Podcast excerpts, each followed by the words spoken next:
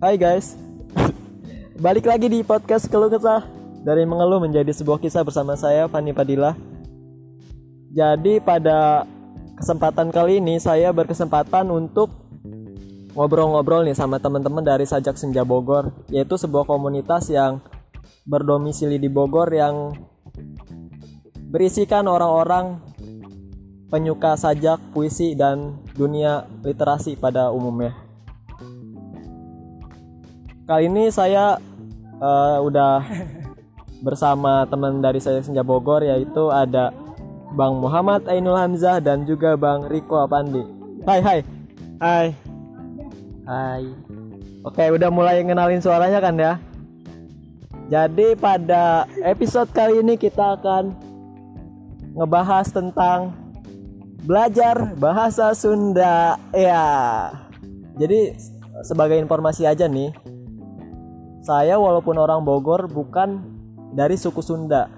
Jadi saya tinggalnya di perbatasan antara Kabupaten Bogor dengan Kota Depok. Makanya saya tuh lebih ke Betawi bukannya Sunda. Untuk itu saya pengen belajar bahasa Sunda. Kali ini bersama Hamzah dan Riko yang notabene adalah orang dari Ciomas dan Luwiliang. Luwiliang. Jadi Bang Hamzah dari Kecamatan Ciomas dan Bang Riko dari Kecamatan Luwiliang. Pertanyaan pertama nih. Jadi di daerah kalian tuh sehari-harinya ngomong Sunda apa enggak sih? Kalau di kampung saya sendiri ya pastilah Sunda. Soalnya kan emang rata-rata semua Sunda. Kecuali kalau misalkan ada pendatang dari kota gitu, ya dia pakai bahasanya sendiri. Mungkin pakai bahasa Indonesia kayak biasanya gitu. Itu aja. Kalau Bang Riko gimana di daerahnya ngomong Sunda atau bahasa Indonesia atau jangan-jangan bahasa Rusia? gimana Bang? Jadi justru kalau misalkan uh, di kecamatan saya sendiri kebanyakan gitu ya, kebanyakan itu pakai bahasa Sunda. Bahkan Sundanya itu campur-campur. Kayak gimana? Jadi ada yang kasar banget, ada yang kasar dan ada yang halus gitu. Jadi Dari ya, contoh satu kata Misalkan nih. kasar banget apa? yang kasar banget itu Ngomongin satu kata misalkan misalkan ada pendatang nih dulu. Dari Banten ke daerah saya kan ah. otomatis ya pendatang omongannya kasar gitu jadi eh, kan kalau misalkan bahasa Sundanya yang halus itu eh kadie ke sini ke sini Ke sini. Itu- ke sini itu itu, halus. kan kadie nah itu kan halus Ah.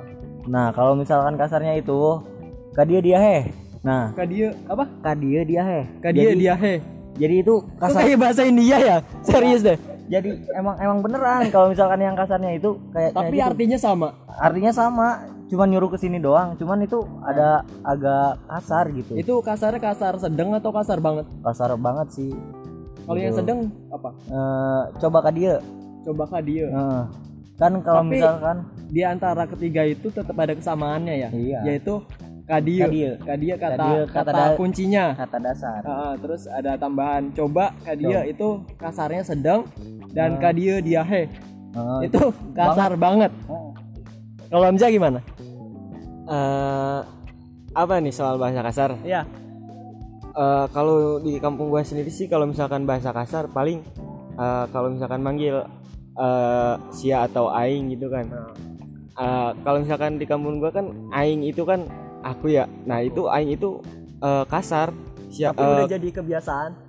kalau misalkan akrab sih kebiasaan, kalau misalkan ke orang lain yang nggak dikenal itu kasar banget. Tapi kalau misalkan ke orang yang lebih tua bahasanya apa? Kalau aku gitu. Eh, Abdi. Abdi. Abdi. Itu halus. Halus. Terus apalagi nih? Aduh bingung kan. Coba deh bikin kalimat dari bahasa Sunda. Kan tadi katanya ada tiga level. Eh, kasar, kasar banget, dan kasarnya sedang. Sedang alias sedang-sedang saja. Coba bikin kalimat ya dari tiga jenis itu, tapi kalimatnya sama, cuma levelnya beda-beda. Dari Hamzah dulu nih. Dari Sunda halus.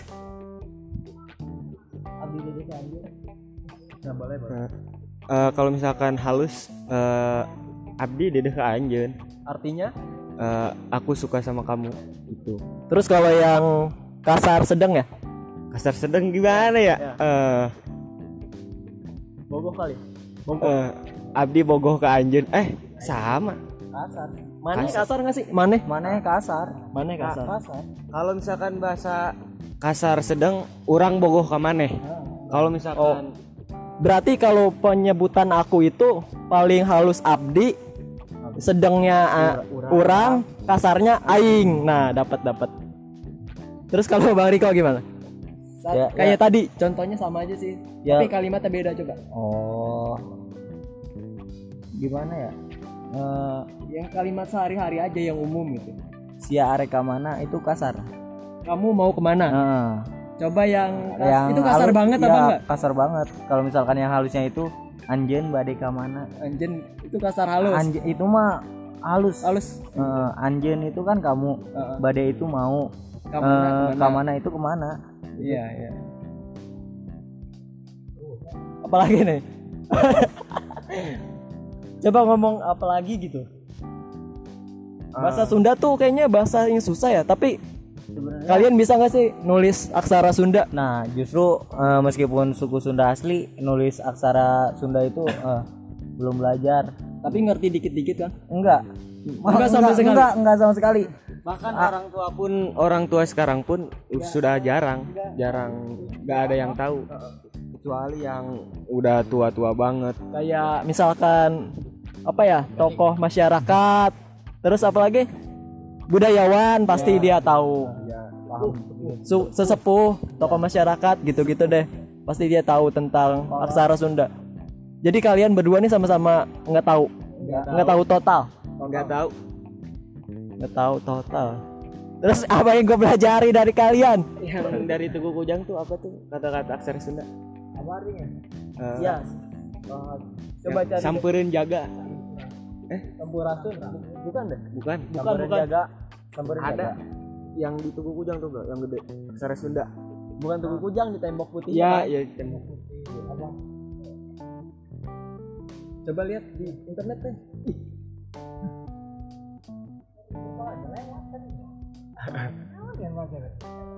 kalau samperin jaga mah kan artinya itu buat masa depan Artinya buat masa depan. iya jaga itu kan masa depan artinya jaga Oh, itu- mungkin maknanya adalah kita harus itu merawat bumi untuk masa depan. iya Iya, lebih ke iya. situ sih kayaknya Iya. samperin masa depan jadi nanti bakalan ketemu lagi di masa depan gitu Oh, mungkin harus kayak dijaga. kayak di kota-kota lain kan selamat datang, selamat tinggal. Nah, di kota Bogor tuh bacanya gitu. Sama Sampai- nggak sih? Enggak, kalau misalkan dari Bogor kayaknya kata-katanya kayak enggak bukan kayak yang mengingatkan atau apa gitu buat warga Bogor kan. Iya. Soalnya kan itu Tapi slogan bukan sih? Slogan bukan? Slogan atau itu kalimat dari jargon dari Bogor gitu. enggak itu sih pepatah. Iya. lebih ke amanat dari Dari luhur ya. Jadi kan kalau nggak salah ya, Sunda itu ada sejak kerajaan Pajajaran ya. Heeh. Jadi waktu itu kerajaan Pajajaran tuh bahasa negaranya adalah atau bahasa resminya adalah bahasa Sunda. Kalian tahu nggak eh, siapa raja terakhir dari kerajaan Pajajaran? Eh bukan gitu deh. Kapan terakhir kali berdirinya kerajaan Pajajaran? Tahu nggak? Gua kan belum lahir. Kali tahu gitu. Nggak tahu, nggak tahu. Nggak tahu. yang paling terkenal aja paling Kalau Paling yang- Prabu kan yang Raden Prabu iya. Siliwangi Iya, yang bisa Siliwangi. jadi macan putih ya? Iya. Iya. bukan ke situ sih kalau menurut eh, orang tua di daerah saya gitu ya. Jadi Prabu Siliwangi itu dia punya kekuatan mistis. Jadi dia daerah eh, kerajaan Pajajaran dengan eh, kerajaan dari harimau itu pernah bersih tegang, artinya pernah eh, bertempur hebat dan pasukan harimau itu kalah oleh pasukan Siliwangi. Nah, karena mereka kalah akhirnya mereka memiliki sumpah Nye- si jadi harimau itu bersumpah kalau misalkan mau menjaga tanah pajajaran. Nah, kalau dari ke- ketua bukan ketua petua-petua di eh, daerah saya gitu. Kalau Hamzah gimana? Apa yang lu tahu dari kerajaan Pajajaran? aing mau. Tapi kalau nggak salah enggak itu nama kan? Raden Prabu. julukan. Nam- Oh, kayak padahal Muhammad Al-Fatih gitu ya. Heeh, namanya. Kalau nggak salah kuburannya ada di kebun raya Bogor nggak sih? ada dari kebun raya Bogor tapi kayak petilasan paling. Iya. Tapi itu bukan kuburan dari Raden Siliwangi bukan? wallahu alam. Ya nggak tahu sih. Kan Mungkin sekarang- sanak saudara-saudaranya kali ya. ya bisa jadi. Jadi petilasan itu kayak tempat singgah. Ya. gitu doang. Jadi kan sekarang aja sampai sekarang eh, kerajaan pajajaran aja kita nggak tahu sebenarnya letak posisinya itu ada di mana. Gitu. Jadi meskipun eh, dari asal muasal dari kerajaan pajajaran tapi kita sendiri nggak tahu gitu di mana letak persis eh, posisi dari kerajaan tersebut gitu Tapi kalau nggak salah juga nih, luasnya kerajaan Pajajaran tuh dari seluruh Jawa Barat atau nggak sih? Atau cuma Bogor, Bandung dan sekitarnya? Gimana? gimana gimana Luasnya kerajaan Pajajaran tuh mencakup wilayah mana aja sebelum jadi Bogor dari Jawa Barat gitu. Jawa Barat Sejauh Barat. Jawa Barat. Sampai ujung. Banten masuk nggak sih? Banten kerajaan Banten beda Eh, lagi. beda lagi ya? Beda lagi. Batasan. Hmm. ah. kan Cianjur beda ya? Cianjur Cianjur bukan. ke Maja eh dari Majapahit mas. Cianjur masih? Masih mas. Cianjur masih. Berarti luas aja. Sukabumi masih? Masih masih. Soalnya kan per- per- perbatasan sama Bogor juga Hmm. tapi kalian nih sebagai orang yang tinggal di Kabut Kabupaten Bogor khususnya di Ciomas dan di Lewiliang ya Bang Riko ya? Apa yang kalian banggakan dari suku Sunda? Ramah. Ya setuju setuju. Jadi meskipun eh, baru kenal satu hari dua hari atau bahkan satu jam dua jam eh, orang Sunda itu lebih ke mementingkan orang yang baru dia kenal tersebut gitu. Jadi kalau misalkan ada sebutan eh, biar biar tekor asal kesor itu salah sebenarnya yang bener apa jadi mm, kalau kita tekor itu bukan buat kesohor jadi nggak apa-apa kita nyuguhin eh, tamu kita gitu karena jadi menjuguhi tamu dengan baik itu keharusan bagi orang Sunda Iya gitu. Jadi kalau misalkan bukan buat pamer, ah, nih ada tamu yang ke rumah gua, gua harus suguhin ini ini ini ini. Kan otomatis eh, istilahnya itu sombong gitu kan, sohor kan. Iya.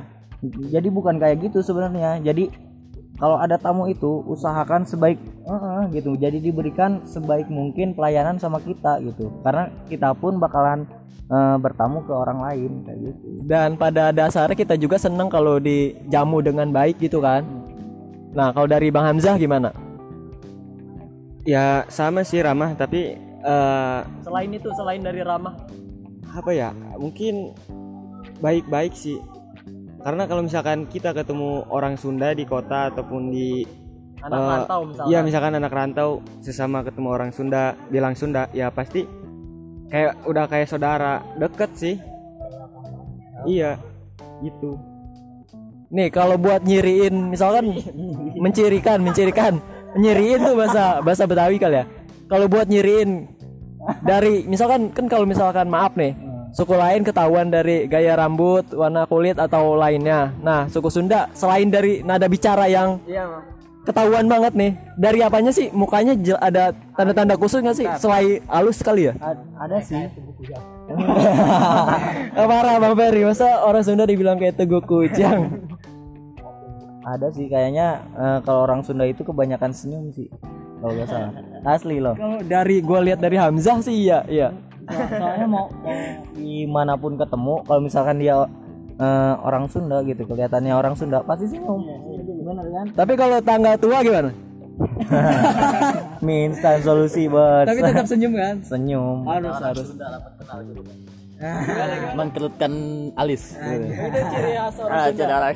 itu mah genit coy kalau kalau misalkan tanggapan gue kalau misalkan orang Sunda kalau misalkan ketemu orang Sunda gitu eh, di luar dari nada bicaranya itu kelihatan banget Iya itu. kalau nada kan tadi gue bilang jelas ke mana Kang gitu. Kayak lembut-lembut gimana gitu. Selain dari nada dari fisiknya gitu.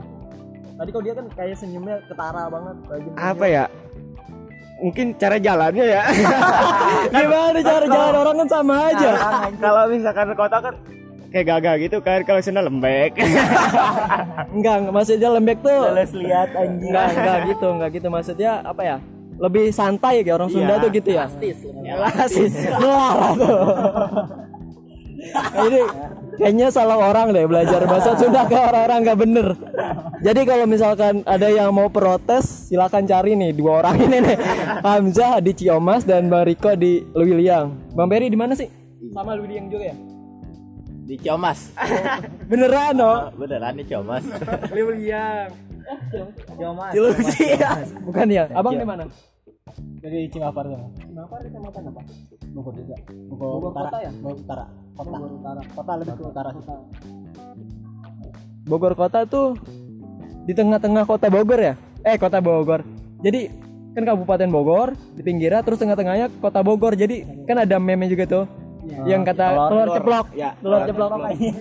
Jadi bener emang beneran gitu. kalau misalkan orang Lewiliang mau ke kota udah bukan jalan kayak studi tour aja jauh banget Iya. asli.